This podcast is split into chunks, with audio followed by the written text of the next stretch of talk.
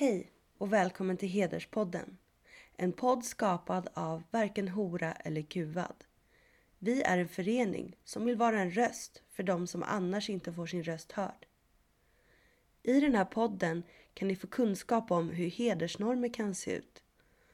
Om ni vill veta mer om hederskultur så kan ni läsa vår metodbok Respektguiden som handlar om hur hedersnormer kan se ut och vilka rättigheter de som är hedersutsatta har. Ni kan också läsa varken hora eller kuvads rapporter 11 och 1200 som kartlägger hedersförtryck i socioekonomiskt utsatta områden i Stockholm och Göteborg. Vi har också en tidning, Förortsfeministen, där vi skriver om hedersnormer. För att ta del av det jag precis nämnt kan ni besöka våra sociala medier eller vår hemsida www.vhek.se. E. Där hittar ni även tidigare avsnitt av Hederspodden. I det här avsnittet läser vi ur första kapitlet av metodboken Respektguiden som framställts av varken hora eller kuvad. Det handlar bland annat om engagemang, hur kvinnors och ungdomars situation ser ut i Sverige och frågor om vad hedersförtryck är tas upp. Vi berättar om varken hora eller kuvads bakgrund, om hur allting började. Respektguiden upplyser dig om dina rättigheter och uppmanar dig också till att prata om det som kan vara svårt och ta hjälp av andra med dina och dina vänners svårigheter. Vi rekommenderar alla att läsa Respektguiden för på så sätt så kan du hitta fakta, tips och råd som du kan ha nytta av när du vill veta vilka rättigheter du har och hur du på ditt sätt kan förändra ditt liv och samhället omkring dig.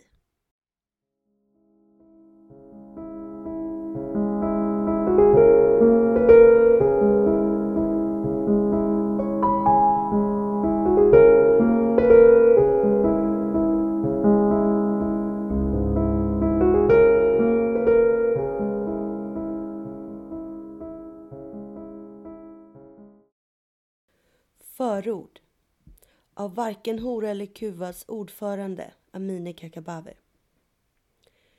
Respektguiden publicerades första gången i Frankrike 2003. Den första svenska utgåvan utkom 2007 och trycktes sedan i en nyutgåva 2011. När vi i organisationen Varken hora eller kuvad nu med ekonomiskt stöd från Skolverket och Myndigheten för ungdoms och civilsamhällesfrågor ger ut en tredje upplaga av boken så kan vi samtidigt konstatera att mycket har hänt i samhället. Det sexuella våldet mot kvinnor har tyvärr inte minskat. I en rapport från 2019 konstaterade forskare på Brottsförebyggande rådet att antalet anmälda våldtäkter ökar under perioden 2005 till 2017 och att även statistik från nationella trygghetsundersökningen visade på en ökning av självrapporterad utsatthet för våldtäkt under samma tidsperiod. En ännu kraftigare ökning kunde konstateras för såväl anmälda som självrapporterade fall av sexuella ofredanden. Men i samma rapport spekulerar forskarna i att en del av ökningen av självrapporteringen och anmälningen av sexuella ofredanden kunde förklaras av den internationella kampanjen hashtag metoo. Metoo har gjort de här problemen synliga. När samhällsproblem lyfts fram i ljuset så ökar också medvetenheten om dem. När fler talar om ett problem blir det lättare för den som tidigare varit tyst att våga berätta om sina erfarenheter. De tjejer och kvinnor som drabbas av det hedersrelaterade våldet och förtrycket saknades i metoo-upproren. För den som växer upp med hedersnormer är tystnadskulturen svårare att bryta och oftast kan man inte känna stöd från familj eller den övriga omgivningen. Syftet med Respektguiden är att just göra fler medvetna om sina rättigheter och att våga tala om det som är svårt. Organisationen Varken hora eller kuvad arbetar särskilt för de kvinnor och flickor i förorterna som inte vågar tala öppet om det patriarkala och hedersrelaterade förtryck som de utsätts för. Varken hora eller kuvad är en partipolitiskt obunden feministisk och antirasistisk rörelse. Vi finns i de förorter som många talar om men samtidigt låter bli att besöka. Vi möter skolungdomar som det svenska samhället har svikit. Och vi pratar om de frågor som länge sopats under mattan. När jag och andra förortsfeminister sommaren 2015 skrev om de manliga moralpoliser som kontrollerar och begränsar flickor och kvinnors rörelsefrihet i Stockholms förorter hette det i debatten att vi spred rykten och svartmålade. Som svar på dessa anklagelser vände vi i Varken hora eller kuvad oss direkt till förortsungdomarna. Med de två kartläggningarna 1100 och 1200 redovisade via enkätsvar och intervjuer med skolungdomar bosatta i Stockholm och Göteborgs mest utsatta områden. Även ungdomarnas föräldrar intervjuades. Resultatet från kartläggningarna visade tydligt att många ungdomar lever under ett hedersförtryck och förutsättningar som aldrig skulle accepterats om det handlat om innerstadens ungdomar. Våra publiceringar av 1100 och 1200 har tvingat politikerna att ta fram egna kartläggningar. Så även om bilden av hedersförtryckets utbredning i Sverige är mycket dyster så är det trots allt hoppfullt att frågan idag diskuteras öppet och lyfts fram som ett samhällsproblem i allt ifrån journalistiska reportage i de stora medierna till statsministerns regeringsförklaring. På samma sätt som metoo-kampanjen avslöjade en tystnadskultur som funnits kring frågan om sexuella ofredanden och sexuellt våld. Så har även den tystnadskultur som omgärdat hedersförtrycket nu börjat ifrågasättas. En anledning till att en reviderad utgåva av Respektguiden blivit angelägen är också att flera nya lagar har tillkommit när det gäller såväl sexualbrott som hedersrelaterad brottslighet. Dagens lagstiftning som våldtäkt tar fasta på krav om samtycke och frivillighet. I riksdagen finns det också ett brett parlamentariskt stöd för ytterligare lagstiftning när det gäller hedersrelaterad brottslighet. Men kampen för jämställdhet handlar om mer än lagstiftning. Den sexualupplysning som under 1900-talets första hälft ofta bedrevs av kvinnliga agitatorer bland arbetarklassens kvinnor. Det var en fundamental demokratisk rörelse. Det var på detta sätt som arbetarkvinnorna fick lära sig om sina rättigheter. Så bröts tabun och så lades grunden för jämställdhet mellan kvinnor och män. De framgångar som kvinnor vunnit i Sverige när det handlar om att erövra grundläggande fri och rättigheter måste gälla alla oavsett bakgrund och ursprung. Demokrati handlar om att inkludera människor och göra alla delaktiga. I vår verksamhet möter vi varje vecka nya ungdomar på skolorna för att tala om deras rättigheter. Vi möter unga människor som lever under kontroll och begränsningar som vi inte kan acceptera i ett demokratiskt samhälle. I mötet med ungdomarna diskuterar vi de frågor som är viktiga för dem. Varför ska tjejer bli hämtade av sina bröder efter skoltid när de faktiskt kan gå hem själva? Varför blir tjejer kontrollerade i skolan av sina bröder och kusiner? Varför ska små flickor tvingas bära slöja och andra kläder som döljer dem för att de ska anses vara respektabla? Varför ska tjejer stå ut med att bli kallade för horor om de har killkompisar eller pojkvänner?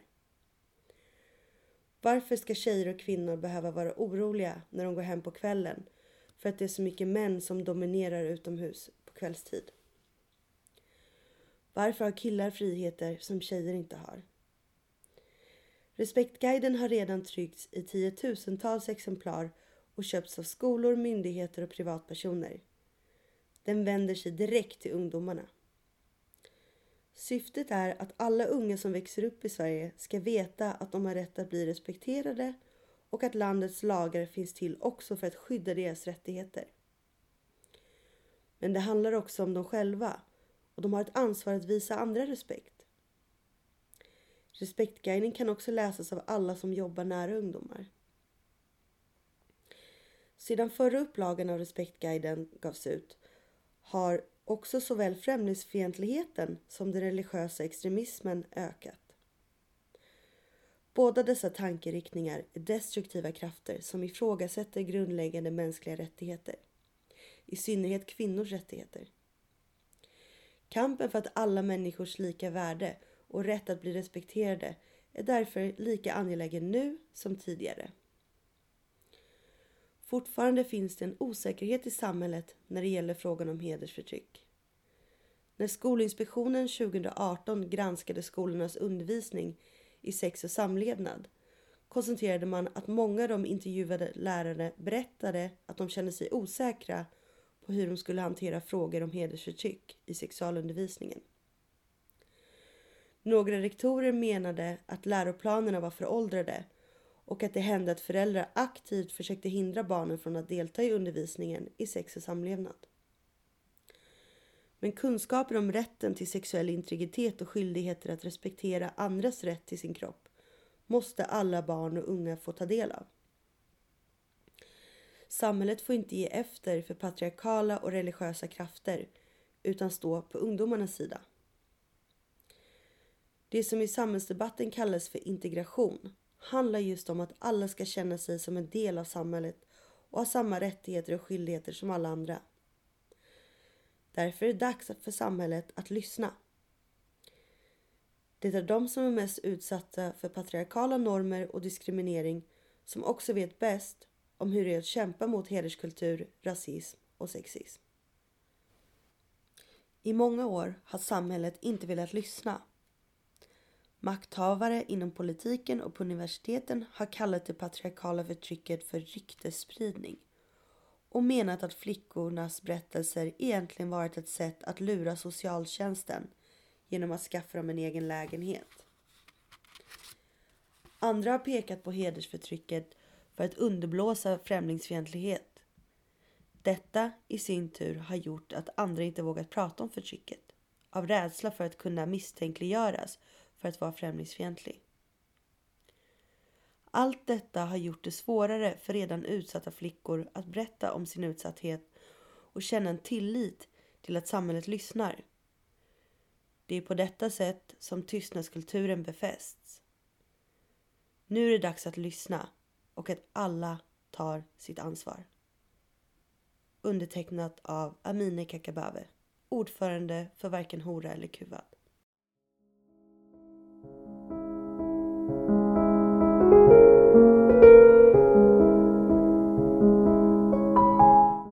Kapitel 1 Engagemang Varken hora eller kuvad, en bakgrund. Den 4 oktober 2002, i ett soprum i ett av Paris södra förorter, så brändes den 17-åriga flickan Sohane Benziane ihjäl. Sohanes tidigare pojkvän hade lovat sina kompisar att han skulle våldta henne. När han fick syn på henne slet han tag i henne i soprummet och de andra killarna i gänget hjälpte till att hämta bensin. Det fruktansvärda mordet på Soane Benziane blev startskottet för ett kvinnouppror i de franska förorterna. Från förorterna mobiliserade man kvinnor till en stor protestmarsch i april den 8 mars 2003. Förortskvinnornas marsch för jämställdhet mot hedersmordet på Sohane och mot gettofieringen samlade över 30 000 demonstranter i den franska huvudstaden. Demonstranterna tog ställning för alla kvinnors rätt till frigörelse och demokratiska rättigheter. I sitt uppror för demonstrationen skrev man Vi vill protestera mot den förhärskande sexismen, det verbala våldet, det fysiska våldet, sexualitetsförbuden den modernare formen av våldtäkt, gruppvåldtäkterna, tvångsäktenskapen, brödraskapen som bevakar familjens heder och kvarteren som liknar fängelser. Vi protesterar mot allt detta för att inte ge efter för gettots egen logik. Vi är varken horor eller kuvade. Vi är helt enkelt kvinnor som vill leva i frihet och som längtar efter rättvisa. Den rörelse som bildades för att arrangera kallade sig Ni puttes ni sommes, varken hora eller kuvad, som sedan kommit att utvecklas till en internationell feministisk och antirasistisk gräsrotsrörelse. I Sverige bildade vi föreningen i juni 2005. Varken Hora eller Kuvad har vare sig räddat världen eller skapat ett helt jämställt samhälle. Det är den krassa verkligheten. Den svenska föreningen har dock varit en stark engagerad aktör i kampen för ett jämlikt samhälle där unga tjejer är starkare, killar mer medvetna om könsroller och där fler drar sitt strå till stacken för ytterligare framsteg. Mycket har hänt. Vi har mött tusentals ungdomar i workshops. Tusentals har lyssnat och ställt frågor på våra föreläsningar. En del har velat skapa sig nya verktyg för att bättre göra sina röster hörda i förortsfeminismens anda. Andra har inte förstått varför vi tjatar om hedersförtryck och påstått att detta är traditioner som inte går att förändra. Men hela tiden har vi burit med oss en vilja att ytterligare flytta fram våra positioner i feminismens och antirasismens namn. Vi är där när flickor möter en social press i hederns och kulturens namn. Vi är där när opinionsbildning behövs för att driva på politiken. Vi är där när främlingsfientligheten är på frammarsch. Vi möter tjejer som ser ett hopp och kämpar för att få tillgodogöra sig alla sina rättigheter. Vi möter killar som går från att försvara sin rätt att slå sina systrar till att engagera sig för att göra sina skolor rena från sexistiska skämt.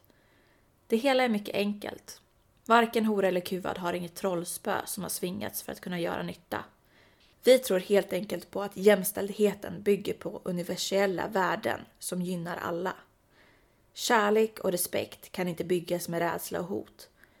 Förtroende skapas inte genom förtryck. Detta vet fler idag, även om vägen till ett helt jämställt samhälle är mycket lång. Varken hora eller kuvad tänker fortsätta upplysa och ställa krav. Vi ska möta problemen där de är. Vi ska konfrontera dessa tillsammans med drabbade och engagerade. Därför är vi förortsfeminister och antirasister. För att vi inte tar den bekväma vägen när tyckandet är lätt men agerandet svårare. Den boken du håller i handen är en del av vårt arbete och har också sin bakgrund i de franska förortsprotesterna. I samband med demonstrationen i Paris 2003 ställde aktivisterna bland annat ett krav om att regeringen skulle finansiera en guide för utbildning i respekt. Redan till höstterminen samma år kunde ungdoms och utbildningsdepartementet skicka ut denna guide till hushåll och skolor i de franska förorterna. Fadela Amara, en av grundarna av Niputes Nissomes, har efteråt förklarat betydelsen av en sådan skrift. Hon säger Guiden verkar kanske vara en liten sak, men så är det inte. Det är oerhört viktigt att få ut budskapet att respektera tjejer till alla de ungdomar som är fullproppade med machokultur. Ju förr desto bättre. Förutom att påminna om reglerna för ett liv tillsammans och respekt för nästa ger guiden konkreta svar på hur man bör bete sig i olika situationer baserade på sanna berättelser och vittnesmål. Respektguiden upplyser om rättigheter, men den för också en dialog med dig som läsare. Den berättar om en verklighet som ungdomar lever i, men det ger också verktyg för ett mer jämställt och inkluderande samhälle. Hittills har tusentals ungdomar i Sverige läst den och många har inspirerats. Många unga som växer upp i dagens Sverige tvingas leva ett dubbelliv på grund av de hedersnormer och krav som upprätthålls av familjen och släkten. De unga tjejernas liv är ofta mer begränsade än deras yngre bröder. Dessa unga flickor har samma drömmar som alla andra unga människor i Sverige. Vi i Varken hora eller kuvad menar att de tjejer som lever under hedersförtryck och hot om våld själva ska ta plats och kräva sina rättigheter. När tjejer vågar bryta tystnaden och själva få forma sina liv så kommer de också bli synliga, återerövra utrymme och rörelsefriheten samt ta plats i det offentliga rummet. Alla ungdomar ska ges demokratiska verktyg och kunskaper om sina mänskliga och medborgerliga fri och rättigheter för att också kunna bekämpa den diskriminering, rasism, kulturrelativism, patriarkala värderingar och religiösa fundamentalism som idag begränsar deras rättigheter. Verklig jämställdhet och jämlikhet mellan människor i ett integrerat samhälle med plats för alla också motverkar en utveckling av gettofiering och är grundläggande för att människor ska kunna leva tillsammans.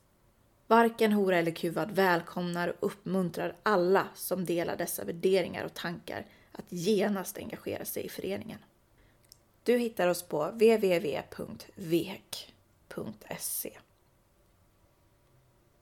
Kvinnofrid. Hur ser kvinnors situation ut i dagens Sverige? Jag kan inte ens gå och bada eller vara med på lektioner som handlar om sex och samlevnad. Jag kan inte utbilda mig till det yrke som jag vill, för då måste man studera på universitetet. Och för mig, som för många andra, är det förbjudet att flytta hemifrån utan att vara gift. Anonym 17-årig tjej. Den här guiden är skriven utifrån övertygelsen att kvinnor och flickor har samma rättigheter som män och pojkar. Detta kan tyckas vara en självklarhet. I FNs kvinnokonvention från 1979 slås det fast att all form av diskriminering av kvinnor ska avskaffas och att könsroller som begränsar kvinnors frihet ska bekämpas. År 1993 antog FNs generalförsamling också deklarationen om avskaffande av våld mot kvinnor som innebar ett fördömande om allt fysiskt, sexuellt och psykiskt våld som riktas mot kvinnor. Men kampen för kvinnors rättigheter har inte bara förts i de politiska församlingarna. Kampen för grundläggande respekt sker i vardagen, i Sverige men också överallt i världen. Efter att den amerikanska filmproducenten Harley Weinstein under hösten 2017 hade anklagats för ett flertal sexuella övergrepp föreslog skådespelerskan Alissa Milano på Twitter att alla kvinnor som någon gång utsatts för sexuella trakasserier eller övergrepp skulle skriva orden metoo, jag också, på sociala medier för att visa på omfattningen av problemet. Detta blev starten på ett globalt upprop som fick särskilt genomslag i Sverige. Kvinnor i olika yrkesbranscher organiserade sig i enskilda upprop där man samlade in och offentliggjorde vittnesmål om olika övergrepp. Kampanjen metoo handlade om allt från sexistiska kommentarer till upprepat tafsande och grova våldtäkter. Uppropen uppmärksammade också den tystnadskultur som funnits runt problemet. Sexuella trakasserier ursäktas eller förminskas och ofta faller istället skammen på kvinnan som säger ifrån. Men framförallt så blev denna proteströrelse en påminnelse om att det i Sverige fortfarande lever kvar patriarkala strukturer och mönster som också kommer till uttryck i sexuella övergrepp. Att säga att det finns ett patriarkalt mönster som yttrar sig i våld och sexuella övergrepp mot kvinnor och flickor innebär inte att peka ut alla män, eller ens majoriteten män, som brottslingar. Både män och kvinnor Tjejer och killar behöver förstå detta mönster för att vi tillsammans ska kunna bryta det. En viktig aspekt av det våld som riktas mot kvinnor är att det många gånger utövas av någon som kvinnor har en relation med. I en rapport från 2014 konstaterade Brottsförebyggande rådet, BRÅ, att 24 procent av alla kvinnor någon gång i livet utsatts för psykiskt våld i en parrelation och 15 procent hade utsatts för någon form av fysiskt våld. Även om det finns mycket kvar att göra så har kvinnokampen resulterat i att vi i Sverige har kommit längre än de flesta andra länder när det gäller lagstiftning om kvinnors rättigheter. Under 1990-talet stiftade riksdagen en rad nya lagar för att förbättra skyddet för kvinnofriden och för att förbjuda det utnyttjande av kvinnor som sker genom prostitution. De senaste åren har lagstiftningen mot våldtäkt utvidgats så att allt sex som inte sker frivilligt idag betraktas som ett övergrepp i domstolarna. Sverige har även spelat en aktiv roll i FN och Europarådet i utvecklingssamarbeten som rör mänskliga rättigheter och varit tongivande i att lyfta fram jämställdhet som en viktig fråga. Det är något vi ska vara stolta över, utan att för den skull lägga ner den kamp som vi varje dag måste bedriva för att Sverige i verkligheten också ska bli ett jämlikt samhälle där vi kan ta del av de rättigheter som lagen ger oss.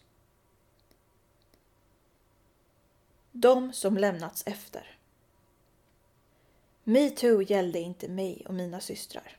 Jag känner inte att den kampen var för oss som är offer för sexuella övergrepp, men i en hederskultur. Förövaren döms inte, utan istället den utsatta. Jag var bara åtta år när en lärare tafsade på mig. Jag vågade aldrig berätta för mina föräldrar för jag visste att de skulle skuldbelägga mig och klandra mig för att jag var en dålig flicka. Anonym 20-årig tjej. De som lever under hedersförtryck har inte fått ta del av de rättigheter som kvinnor vunnit i Sverige. Metoo-vågen innebar ett systerskap där kvinnor lyssnade till och stöttade varandra. Men många flickor och kvinnor fick inte uppleva denna solidaritet. Det är så mycket svårare att våga tala när man vet att familjen inte ger något stöd och när man är osäker på att personalen på skolan inte förstår den vardagsverklighet som man själv lever i. Så säger lagen om kvinnofrid. Längre fram i den här guiden beskrivs vad lagen säger om våldtäkt och andra sexuella övergrepp. De olika brott som någon kan dömas för finns inskrivna i den del av lagboken som kallas för brottsbalken. I brottsbalken finns bland annat ett förbud mot grov fridskränkning och kvinnofridskränkning. För den som lever i en relation där man upprepade gånger utsätts för våld och övergrepp kan det ibland vara svårt att minnas alla tillfällen då man har blivit utsatt. När någon under en längre tid och upprepade gånger utsätter en annan människa för olika kränkningar, till exempel misshandel, hot, skadegörelse etc. så innebär detta enligt lagen att de olika övergreppen tillsammans utgör ett led i upprepad kränkning av personens integritet som hotar att allvarligt skada personens självkänsla. Detta brott kallas för grov fridskränkning. Om offret är en kvinna och förövaren är en man, som kvinnan är eller har varit gift med eller levt tillsammans med, så kan mannen dömas för grov kvinnofridskränkning. Straffet för dessa brott ger fängelse på minst nio månader och högst sex år. Bestämmelserna om grov fridskränkning och grov kvinnofridskränkning finns i brottsbalken, fjärde kapitlet, paragraf 4 till 4a. Vad är hedersförtryck? Det synsätt som mina föräldrar hade var att familjen och släkten skulle stå i centrum. Varför jag måste tänka på mitt eget bästa framför mitt eget välbefinnande. Det är bättre att en person lider än att en hel familj och släkt lider. Men till skillnad från mina föräldrar så levde jag i och var en del av det svenska samhället. Jag gick dagligen i svensk skola, åt svensk mat, hade svenska kompisar och tittade på svensk TV. Fadime Sahindal 2001 Heder är ett ord som för de flesta står för något positivt. Att bevara sin heder handlar om att behålla sin självrespekt och värdighet. Men i en hederskultur är heden istället knuten till ett kollektiv, som till exempel en familj eller ett släkt. Upprätthållandet av heden blir en uppgift för hela gruppen. Den enskilde kan orsaka en skam som drabbar alla i gemenskapen. Vad flickan, kvinnan eller en enskild individ gör blir allas ansvar.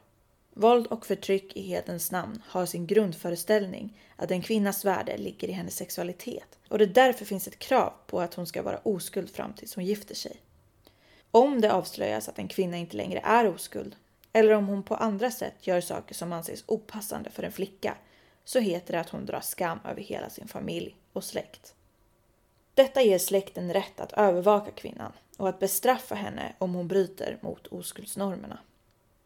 Till hedersrelaterat våld och förtryck hör tvångsgifte, barnäktenskap, könsstympning, fysisk misshandel, hot, psykisk kränkning, skuld och skambeläggande, förödmjukelser, nedvärderingar och utpräglad förföljelse. Men förtrycket yttrar sig också i att unga flickor isoleras från killkompisar, förbjuds delta i olika aktiviteter i skolan och på fritiden såsom klassresa, prao och så vidare. Flickor hindras från att delta i idrotts och simundervisning eller i lektioner om sex och samlevnad. Hedersförtryck är alltså inte kopplat till någon särskild religion, även om religionen ibland kan användas som ett sätt att ge ett stöd åt hedersnormerna. Det är inte heller så att hederskultur kan kopplas till någon särskild folkgrupp. Även om hedersförtryck är ett uttryck för patriarkala traditioner så finns det ändå viktiga skillnader mellan hedersrelaterat våld och annat våld som drabbar kvinnor i nära relationer. För det första så är det ofta flera personer som är förövare eller som möjliggör brottet. Det är inte alltid någon som är gift eller sambo med kvinnan som utför våldet, utan detta kan lika gärna utövas från en pappa, en bror eller någon annan släkting. Eftersom hedersvåldet ofta utövas av ett kollektiv så kan även kvinnor vara medansvariga. I motsats till annat våld i nära relationer så är hedersvåldet ofta accepterat av gärningsmannens offrets omgivning. De i offrets och förövarens nära omgivning, som kanske inte själva varit aktivt inblandade i brottet, kan ändå försvara gärningsmannen och hans hedersrelaterade motiv. Ytterligare en skillnad är att hedersrelaterat våld ofta är noggrant planerat. Ett exempel på detta är att yngre utses som gärningsmän för att kunna undgå straff eller livstidsdomar. Annat våld som sker inom familjen är ofta oplanerat och handlar inte sällan om plötslig spontan och okontrollerad aggressivitet där ofta alkohol varit inblandat. Hedersförtryckets olika ansikten.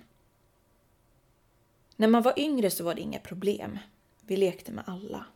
Men numera säger mamma att jag måste sluta umgås med killar. Att killar i min ålder bara har en sak som de tänker på. Att också mitt namn kommer smutskastas, vilket kommer drabba mig hela livet. Det gör mig rädd. Helin, 14 år, Göteborg. Jag skulle döda min syster om hon gjorde dumma saker bakom min rygg. Typ träffade killar och så. Jag rotar i hennes mobil och kollar allt hon gör. Musa, 12 år, Stockholm. Hedersförtrycket är en del av många ungdomars vardag. När heden är kollektiv blir skvallret ett nödvändigt moment för hederns upprätthållande. Jag såg din syster tillsammans med en kille igår. Din dotter klär sig som en hora. Släkten och grannskapet blir till en säkerhetstjänst där alla är angivare. Tjejer övervakas och kontrolleras i skolan av bröder eller kusiner. Kontrollen handlar om att flickor inte ska klä sig på ett visst sätt, att de ska tvingas bära slöja, inte skratta högt eller ta plats och synas. Dessa vardagliga begränsningar handlar också ofta om att hindras att röra sig fritt under fritiden, att inte få umgås med vem man vill, inte få gå på kaféet eller på bio, att inte få följa med på skolutflykter eller delta i olika fritidsaktiviteter. I Veks enkätundersökning 1200 som gjordes bland ungdomar i socialt utsatta områden i Göteborg så svarade 36 procent av tjejerna och 13 procent av killarna att de aldrig tilläts gå på skolfester av sina föräldrar. På den religiösa privatskola som jag gick på så slog killarna flera av oss och de trakasserade oss verbalt genom att säga en massa skit om att vi var horor som inte respekterade dem. När jag berättade detta för mina föräldrar så blev det ett möte i skolan. Under mötet skuldbelagde både skolpersonalen och mina föräldrar mig. Mina föräldrar slog mig för att jag var en dålig flicka och hade varit olydig. Anonym tjej, 17 år, Göteborg. Att leva under hedersförtrycket innebär inte sällan också att utsättas för våld eller hot om våld. I studien Gift mot sin vilja från 2009 framgår att de ungdomar som lever med begränsningar i sitt val av framtida äktenskapspartner också löper större risk att utsättas för våld och hot om våld från någon i familjen. Hedersförtryckets utbredning innebär en fullständig backlash för flera års kamp för kvinnors rättigheter. Många tjejer hindras från att läsa vidare på högskola och berövas därmed möjligheten att bejaka sig själva och sina intressen som individer eller för den delen att yrkesarbeta och bli ekonomiskt självständiga. Kort sagt hindras de från rätten att själva välja.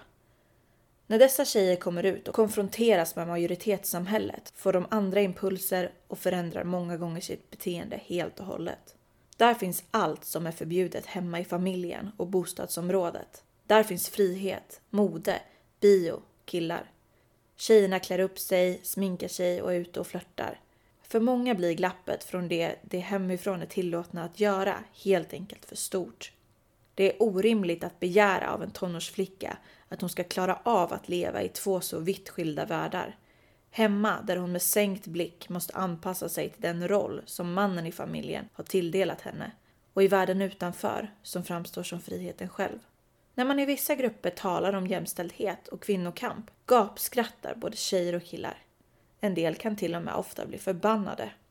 Orden betyder nämligen ingenting för dem. När de landvinningar som jämställdheten har gjort inte når dem utan är något som andra talar om blir det inget verkligt att förhålla sig till. Exempel på hur hedersförtrycket yttrar sig. Absolut krav på oskuld. Förbud att delta i skolaktiviteter, fritidsaktiviteter. Förbud mot att ha pojkvän eller flickvän. Att hindras att vara ute på fritiden. Att inte få studera vidare för att hon eller han ska gifta sig och då är det meningslöst att studera vidare efter grundskolan. Det finns både pojkar och flickor som inte fullföljer grundskolan. Tvång på att resa till föräldrarnas gamla hemland för giftermål eller uppfostran. Hot om att tvingas flytta till ursprungslandet eller att luras iväg dit. Stark social kontroll från manliga familjemedlemmar och släktingar. Att bevakas före, i och efter skolan. Att hindras ha kontakt med någon av motsatt kön. Att inte få ha pojkvän eller flickvän från andra kulturer än sin egen. Tvång på att bära slöja eller andra klädregler. Att inte få sminka sig. Starka påtryckningar från familjen om att inte få gifta sig med den man vill. Könsstympning av flickor. Bestraffningar om man inte följer familjens regler. Stark psykisk press och återkommande verbala angrepp. Indragning av egna pengar. Konfiskering av pass, telefon och andra värdehandlingar. Förlorade förmåner och rättigheter i familjen. Isolering och uteslutning. Våld eller hot om våld. Dödshot. Ett segregerat Sverige. De senaste åren har man debatterat segregationen i Sverige. Man har talat om utanförskapsområden och om särskilt utsatta områden. Det handlar om bostadsområden där arbetslösheten är hög, många pojkar går inte ut grundskolan utan fullständiga betyg och där kriminaliteten växer. Integration förutsätter att bli respekterad och ges samma möjligheter till arbete, bostad och utbildning på rättvisa villkor och utan att bli diskriminerad eller marginaliserad. Det handlar om möjligheten till inflytande och makt över sitt eget liv på samma villkor som alla andra i samhället. Vi måste inte vara lika för att bli integrerade i samhället, utan bör kunna bejaka våra olikheter och dra nytta av dem. Vi är olika, men lika mycket värda. Därför ska vi aldrig tillåta orättvisor, diskriminering och förtryck, vare sig det har med kön, sexuell läggning, klass eller etnisk bakgrund att göra. Arbetslöshet, social och ekonomisk misär, boendesegregering, diskriminering och marginalisering har otvivelaktigt drabbat många i förorterna. Hos de särskilt utsatta kan utanförskapet ge upphov till hopplöshet och man vänder samhället ryggen Män riktar sin aggression mot de egna kvinnliga familjemedlemmarna istället för mot de krafter i samhället som är orsaken till utanförskapet. Detta utgör en grogrund för rekrytering till och reproduktion av destruktiva krafter såsom religiös fanatism och kriminella gäng. Detta leder i sin tur till ett ytterligare befästande av patriarkala traditioner och sedvänjor. Många utnyttjar också sin egen känsla av utsatthet för att vinna sympati för sina patriarkala värderingar och utövande av hedersförtryck och lyckas med detta. Både pojkar och flickor utsätts för hedersförtryck. Vi älskade varandra. Vi träffades i smyg. Jag skulle lätt kunna gifta mig med henne. Men det blev inte så. Hennes farbror hade hört att vi hade ett förhållande. Så en dag så stoppade hennes kusiner mig när jag var på väg hem de spottade på mig och jag fick reda på att hon hade fått stryk hemma. Hon kom inte till skolan på flera dagar. Vi träffades i smyg ett tag, men det gick inte sen. De hade sagt åt henne att hon skulle gifta sig med sin mosters son. Jag ville inte utsätta henne för mer problem. Mohammed, 18 år, Stockholm. Utsattheten för hedersförtryck drabbar inte bara flickor utan även pojkar och unga män särskilt homosexuella. Både flickor och pojkar kan påtvingas ett tvångsäktenskap. Pojkar tilldelas ofta redan i tidigt ålder rollen som övervakare av sina systrar och kvinnliga släktingars heder. Pojkar och unga män riskerar samtidigt också att utsättas för hedersrelaterat våld och tvång. På detta sätt blir pojkar många gånger både offer och förövare. HBT-personer en annan mycket utsatt grupp är bi, homo och transpersoner. I de hårt patriarkala miljöerna tolereras inte kärlek mellan två personer av samma kön. Vi träffades på en klubb när jag var på besök här i Sverige. Vi blev kära. Enda möjligheten för oss att vara tillsammans var att jag skulle flytta till Sverige. Nu har jag bott här i sju år och mina föräldrar i hemlandet vet ingenting om vårt förhållande.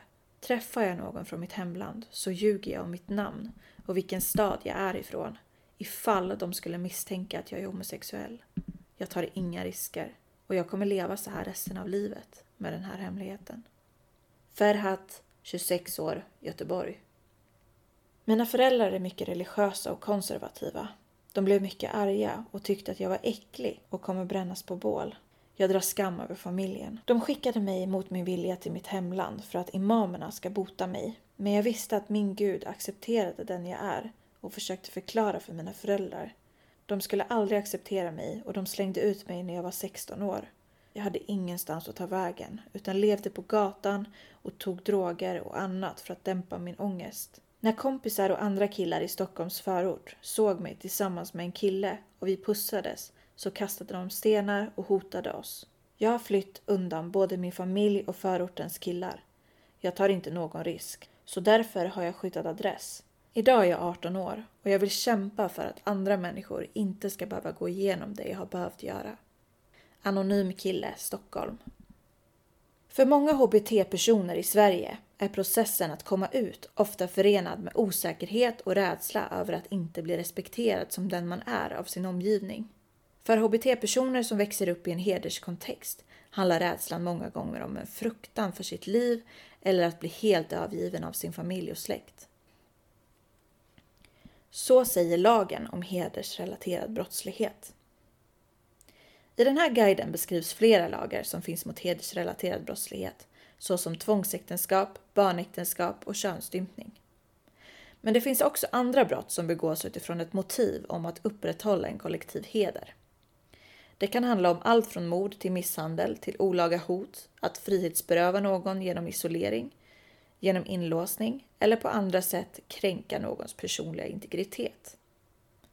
Det handlar alltså om alla slags brott som inte nödvändigtvis måste begås utifrån ett hedersrelaterat motiv, men som ändå ofta kan ha det. Hösten 2019 förbereder regeringen en ändring av brottsbalken som innebär att alla brott som begås med ett motiv om att bevara eller återupprätta en persons eller familjs, släkt eller annan liknande grupps heder alltid ska innebära en försvårande omständighet och medföra att straffet blir särskilt hårt. Det finns en majoritet i riksdagen för en sådan straffskärpning av brott med hedersmotiv. På detta sätt kommer åklagare och domstolar från och med år 2020 eller 2021 att behöva ta ställning till om de brott som begåtts också är kopplade till ett motiv om heder, vilket i så fall också innebär att det utdömda straffet också ska vara hårdare. Att göra hedersmotiv till en särskild straffskärpningsgrund är ett sätt för samhället att visa att man tar hedersbrottslighet på särskilt stort allvar. Ett annat sätt att göra detta är att införa en särskild brottsrubricering för hedersbrott, liknande den lag som finns om kvinnofridskränkning.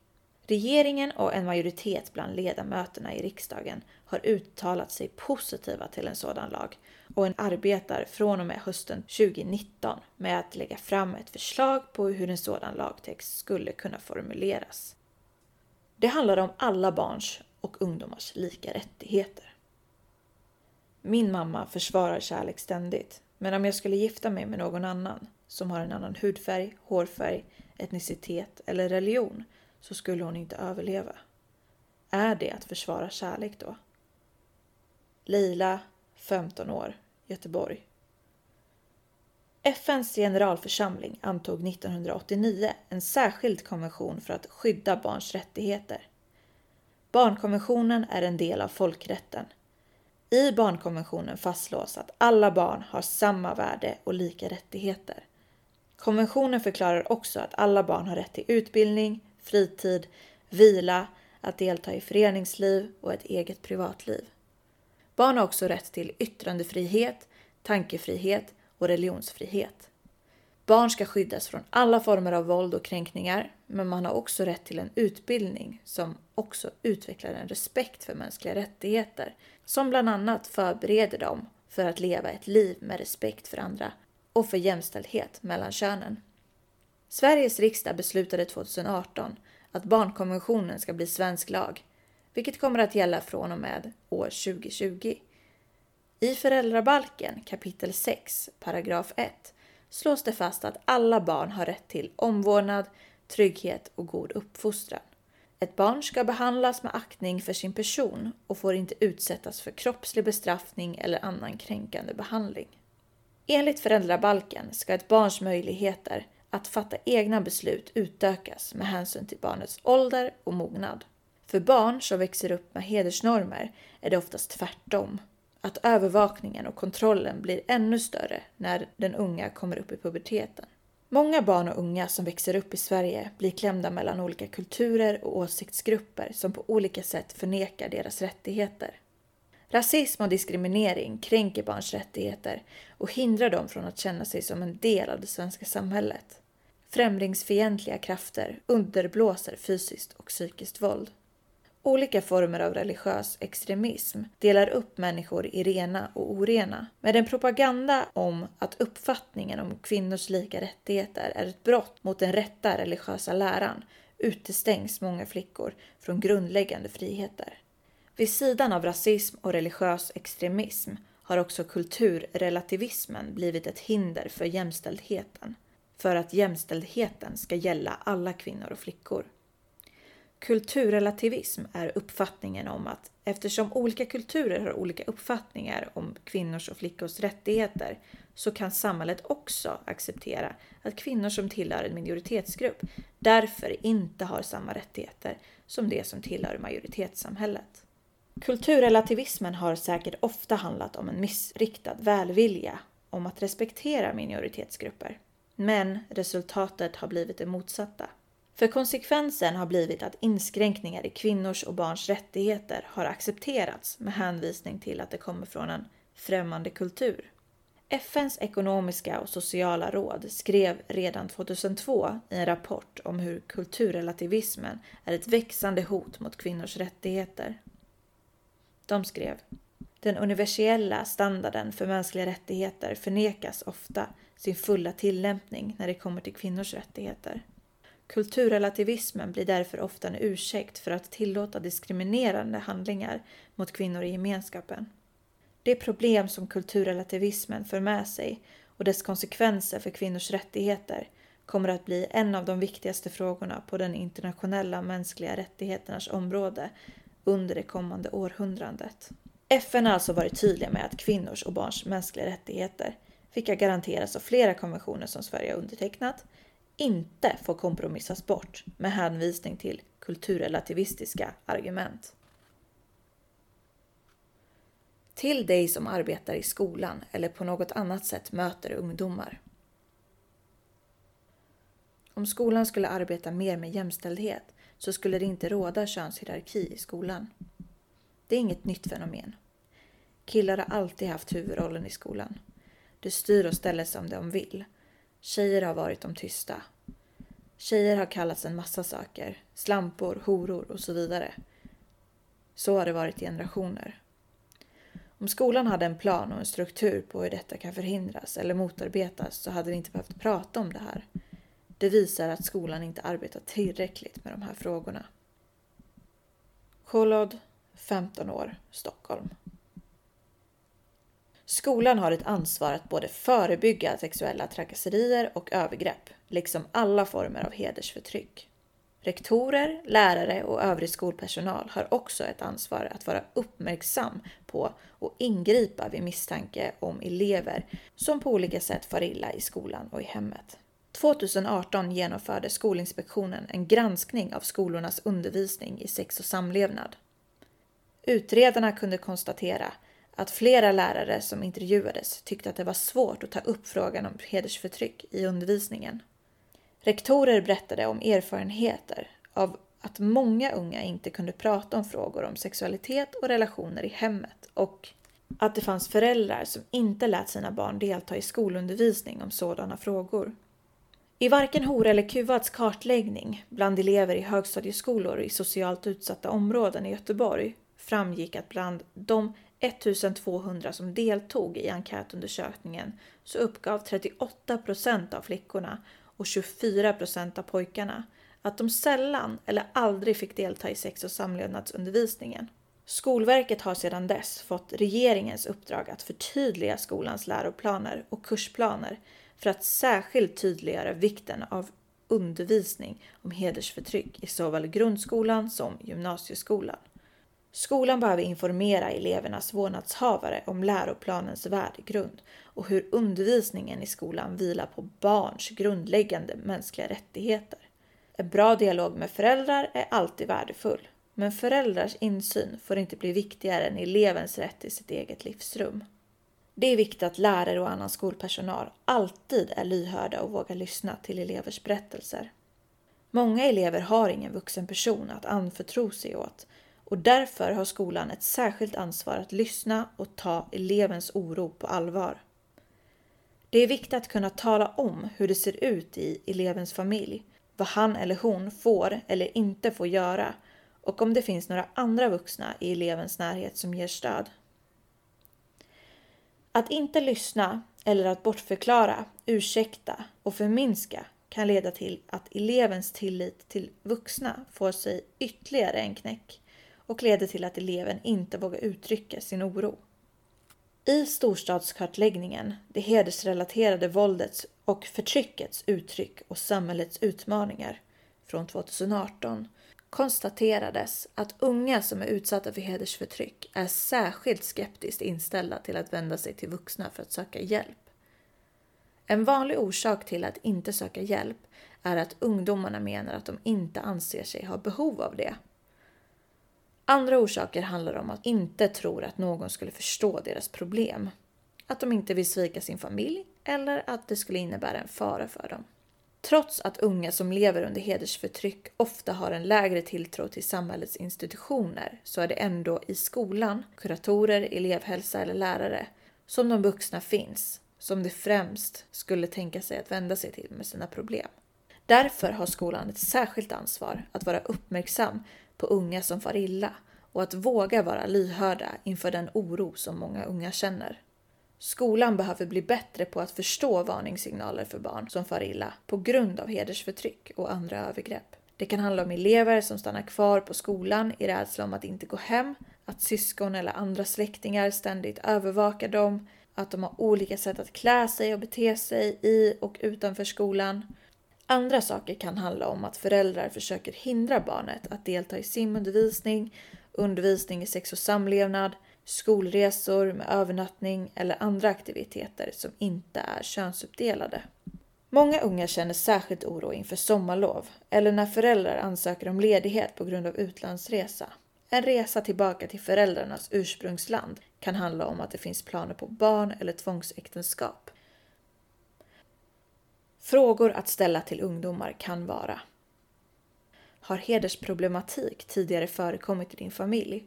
Hur har man löst problemet? Vad händer när du bryter mot familjens regler? Vad måste du göra i din vardag som du inte vill göra? Vad vill du göra som du inte får göra? Vem är det som bestämmer i din familj? Hur ser din familj och dina släktingar på ditt problem? Hur ser de på att ha en pojkvän eller flickvän? Vilken uppfattning har de om vikten att vara oskuld? Hur ser de på att ha samlag för äktenskapet? Hur ser de på en eventuell graviditet, abort? Finns det en hotbild relaterad till ditt problem? Hur ser hotbilden ut? Vad är innebörden av hotet? Finns det någon som du kan prata med om ditt problem? Vem? Vilka? Så säger lagen om skolans ansvar. I skollagen stadgas barns skolplikt och rätt till utbildning. Här fastslås också att all utbildning i det svenska skolväsendet syftar till att barn och elever ska inhämta och utveckla kunskaper och värden. Utbildningen ska också förmedla och förankra respekt för de mänskliga rättigheterna och de grundläggande demokratiska värderingar som det svenska samhället vilar på. Alla som verkar i skolan ska främja de mänskliga rättigheterna och aktivt motverka alla former av kränkande behandling. Kapitel 1, paragraf 4. Skolans undervisning ska följa de läroplaner som har fastställts av regeringen. Skolverket har på uppdrag av regeringen föreslagit att det i läroplanen för såväl grund som gymnasieskola ska ges undervisning i kunskapsområdet sexualitet och relationer, tidigare sex och samlevnad, som särskilt belyser maktstrukturer kopplade till kön och föreställning om heder, samt att förmedla betydelsen av att sexualitet och relationer präglas av frivillighet och ömsesidighet. Skolan är också skyldig att i enlighet med diskrimineringslagen aktivt arbeta mot diskriminering och utreda och ingripa mot trakasserier och sexuella trakasserier. Med anledning av flera anmälningar om att elever utsätts för diskriminering i skolan i samband med att viss undervisning könsuppdelats fattade Diskrimineringsombudsmannen i juli 2017 ett särskilt beslut. Diskrimineringsombudsmannen fastslog att utrymmet för att dela upp elever efter kön är mycket begränsat och att sådan könsuppdelning riskerar att leda till att en eller flera elever utsätts för diskriminering. Elever i grundskolan har skolplikt och rätt att ta del av all skolutbildning Vårdnadshavarens begäran att befria en elev från den obligatoriska utbildningen kan enligt skollagen endast beslutas av rektor. För att sådan befrielse från utbildning ska beviljas krävs synnerliga skäl och beslutet får endast avse enstaka tillfällen under ett läsår. Kapitel 7, paragraf 19. Skolan har alltså enligt lag endast en mycket begränsad möjlighet att könsuppdela undervisning eller att tillmötesgå vårdnadshavares önskemål om att befria elever från delar av undervisningen. Vi i VEK har arbetat mot könsuppdelade lektioner och aktiviteter om sådan uppdelning inte är motiverad av pedagogiskt syfte. Vi har ofta kritiserat hur religiösa skolor försökt att kringgå diskrimineringslagen och separerat flickor från pojkar i undervisningen. Vi har också påtalat att föräldrar ofta sätter press på skolan för att till exempel befria elever från sexualundervisning. Detta framkommer också av Skolinspektionens genomlysningar av undervisningen i sex och samlevnad. Alla som arbetar med barn och unga är enligt socialtjänstlagen kapitel 14 paragraf 1 skyldiga att genast anmäla till socialnämnden om de i sin verksamhet får kännedom om eller misstänker att ett barn far illa. Anmälningsplikten säger alltså inte att anmälaren måste vara säker på att barn far illa. Det räcker med att det finns en misstanke om missförhållanden för att anmälningsplikten ska gälla. En anmälan till socialtjänsten kan göras muntligt eller skriftligt. Det finns inga krav om att den som gör anmälan samtidigt också måste informera barnets vårdnadshavare om att denna anmälan har upprättats. Detta är särskilt viktigt att känna till när det gäller orosanmälningar som rör barn som kommer från starkt patriarkala miljöer. Hedersförtryckets omfattning Även om det har forskats en del om hedersförtryckets utbredning så är det svårt att göra någon exakt uppskattning om hur många svenskar som lever under hedersnormernas begränsningar. De studier som har gjorts har framför allt kartlagt skolungdomars utsatthet för hedersförtryck. Den största kartläggningen som har gjorts på nationell nivå presenterades 2009 i rapporten Gift mot sin vilja som gjordes på uppdrag av Ungdomsstyrelsen, nuvarande Myndigheten för ungdoms och civilsamhällsfrågor, MUCF. I denna rapport användes material från en tidigare nationell enkätundersökning bland gymnasieungdomar från 2007 samt en enkätundersökning som Stockholms stad hade gjort bland stadens niondeklassare 2008. Dessutom använde forskarna sig av material från skolenkäter som gjorts bland niondeklassare i fyra socialt utsatta områden i Sverige samt en stor nationell postenkät bland ungdomar i åldrarna 16 till 25 år. Från denna nationella enkätundersökning gjorde forskarna uppskattningen att cirka 70 000 ungdomar i åldrarna 16-25 lever med begränsningar när det gäller val av äktenskapspartner. Regeringens nationella samordnare mot våld i nära relationer presenterade i sitt slutbetänkande från 2014 en uppskattning om att 100 000 ungdomar från högstadieåldern och upp till 25 år drabbades av hedersförtryck. Rättssociologen Astrid Schüttler, som också har stor erfarenhet av att arbeta med kartläggningar av hedersutsatthet, menade i en tidningsintervju 2017 att närmare 240 000 unga lever under hedersförtryck. Åren 2018 och 2019 presenterades också lokala kartläggningar bland skolungdomar i Stockholm, Göteborg, Malmö och Uppsala som bekräftade bilden av hedersförtrycket som yttrar sig i såväl oskuldsnormer och utsatthet för hedersrelaterat våld. VEKs egna kartläggningar, 1100 och 1200, har genomförts bland skolungdomar i socialt utsatta områden i Stockholm respektive Göteborg. VEKs kartläggningar ger en bra bild av den verklighet som ungdomar lever under i de svenska storstädernas förorter. Eftersom enkäterna samlats in bland unga i socialt utsatta områden så har det inte syftet att dra generella slutsatser om hur situationen ser ut för alla ungdomar i de båda städerna. Den omnämnda straffskärpningsgrunden för brott med hedersmotiv är lag sedan i somras och regeringens utredare har även lämnat förslag om lagstiftning för ett särskilt hedersbrott.